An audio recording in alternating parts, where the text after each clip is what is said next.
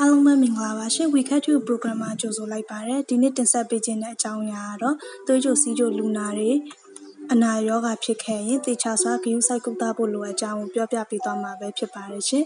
စီးကြိုယောဂဟာ သွေးရင်းတကြားတက်ကို မထိန်ချုပ်နိုင်တဲ့အခါ ဖြစ်ပွားပြီး အာယုံကြောများ သွေးကြောများကို ထိခိုက်လာနိုင်ပါတယ်။အာယုံကြောများ ခံစားသိရှိမှု အားနည်းသွားလို့ ကိုယ်ခန္ဓာအစိတ်အပိုင်းများ အထူးသဖြင့် ခြေထောက် ထိခိုက်ဒဏ်ရာရပြီး အနာများဖြစ်လာနိုင်ပါတယ်။အိယာပေါ် ကာလကြာရှည် လှည့်လျောင်းနေရသူများဟာလည်း အိယာပူနာများ ဖြစ်လာနိုင်ပါတယ်။အကယ်၍စီးကျိုယောဂရှိသူများမှာ အနာဖြစ်ခဲ့ရင်တေချာစွာ ဂရုစိုက်ကုသဖို့ လိုအပ်ပါတယ်။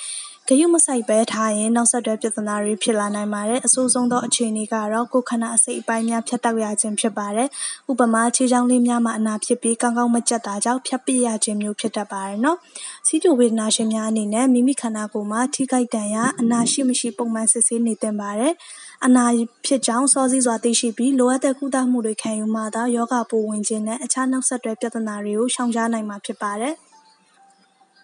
အထူးသဖြင့်မိမိရဲ့ခြေထောက်များကိုနေ့စဉ်စစ်ဆေးရပါမယ်။ခြေဘဝရောခြေချောင်းလေးများကြားထဲမှာအသေးစိတ်စစ်ဆေးရပါမယ်။ စီးကျိုအနာများဖြစ်လာရင်အသားများဟာပုပ်ဆွေးလာပြီးဘက်တီးရီးယားများဝင်ရောက်ပေါက်ပွားနိုင်ပါတယ်နော်။ယောဂများပြန့်နှံ့လာနိုင်ပြီးအနာပြောက်ကင်းနိုင်ခြင်းလည်းလျော့နည်းသွားပါတယ်။အဲဒါကြောင့်မလို့အနာဝန်းကျင်ကမကောင်းတော့ဘဲတီရှူးစာတွေကိုရှင်းလင်းဖယ်ရှားပေးဖို့လိုပါတယ်။အပေါ်ယံအရည်အရွယ်အနှဲငယ်ကိုတော့ဆေးထက်ချိန်မှာဆေးရည်ခွန်းစတာတွေနဲ့ဖယ်ရှားနိုင်သလိုမကောင်းတဲ့အသားအစာများကိုတော့ဆရာဝန်ကဖယ်ရှားပေးပါလိမ့်မယ်။နေ့စဉ်ပုံမှန်ဆေးထက်ခြင်းအဖြစ်ဘက်တီးရီးယားများအနာထဲဝင်ရောက်ပေါက်ဖွားနိုင်ခြင်းကိုလျှော့ချပေးတယ်။ဘယ်လိုဆေးအမျိုးအစားတွေသုံးရမလဲ၊ဘာပစ္စည်းတွေလိုအပ်လဲဆိုတာကိုတော့ဆရာဝန်ကညွှန်ကြားပေးလိမ့်မယ်နော်။ဆရာဝန်ညွှန်ကြားပေးတဲ့အတိုင်းမပြတ်မကွက်ဆေးထည့်ပေးဖို့လိုပါတယ်။လေ့ကျင့်ခန်းလုပ်ခြင်းဟာလည်းအင်ဆူလင်အားနည်းတင်ကိုပိုမိုထိရောက်စေပါတယ်။သွေးတွင်းတကြားဓာတ်ကိုထိန်းချုပ်နိုင်စေပြီးအနာကိုလည်းအနာကျက်မြန်စေပါတယ်။ဆေးလိပ်သောက်ခြင်းဟာခန္ဓာကိုယ်ရှိဆဲလ်များအောက်ဆီဂျင်ရရှိနိုင်မှုကိုလျော့ကျစေပါတယ်။ကိုယ်ခံအားကိုလည်းလျော့ပါးစေပြီးသွေးကြောနဲ့ဆိုင်တဲ့ပြဿနာတွေပိုမိုဖြစ်ပွားစေပါတယ်။အနာကျက်နေစေပါတယ်။ဆီးချိုအနာတွေကိုကုသနိုင်ဖို့အချုပ်ကတော့သွေးတွင်းတကြားဓာတ်ကိုထိန်းဖို့ပါပဲ